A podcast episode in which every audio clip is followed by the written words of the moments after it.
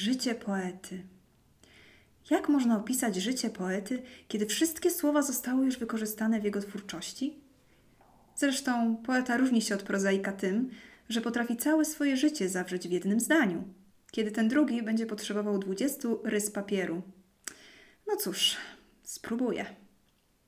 Nazywam się Maria Wolska, z domu Młodnicka.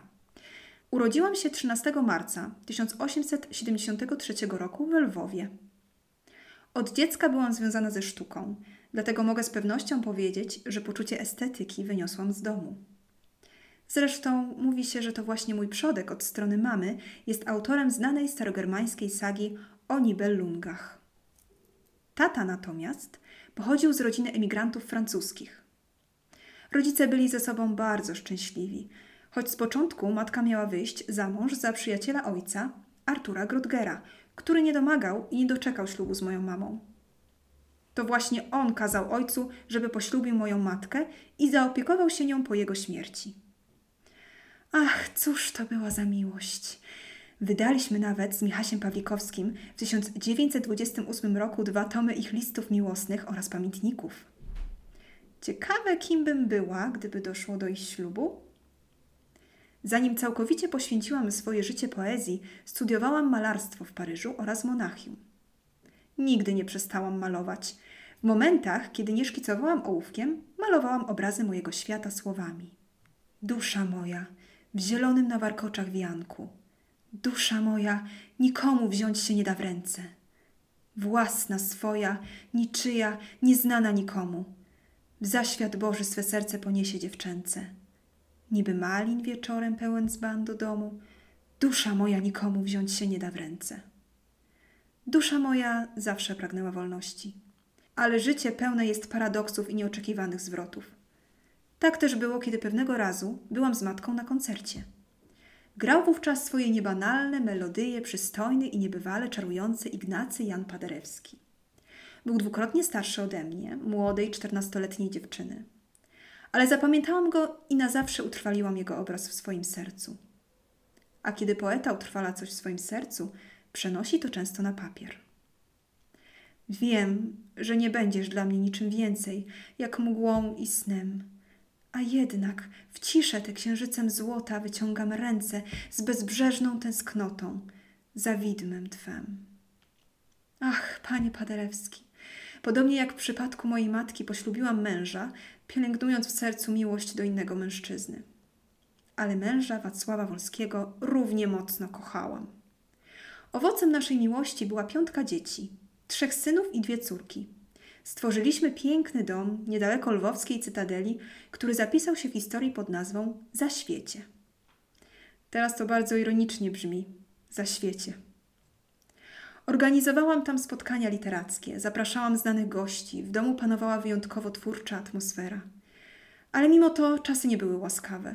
Zdarzało się, że musiałam ukrywać swoją płeć pod pseudonimem Iwo Płomieńczyk, Demol oraz Tomasz Raruk, gdyż kobietom niezwykle trudno było przedrzeć się przez zdominowany przez płeć męską świat literatury. Stworzyliśmy nawet swoistą grupę literacką, którą nazwaliśmy Planetnicy – wraz z serdecznymi przyjaciółmi Leopoldem Staffem oraz Santo Giuseppe.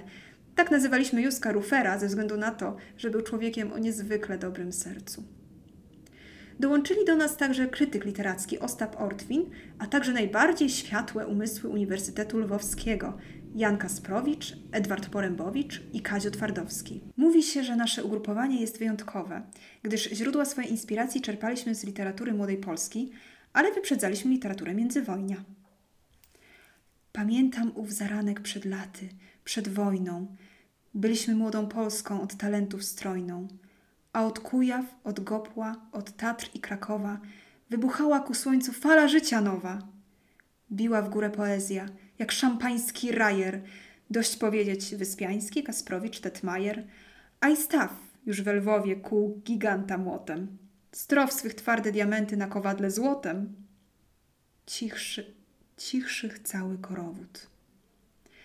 Zabawnie to brzmi z perspektywy czasu, który zatrzymał się dla mnie nie tylko podczas śmierci, ale i za życia też.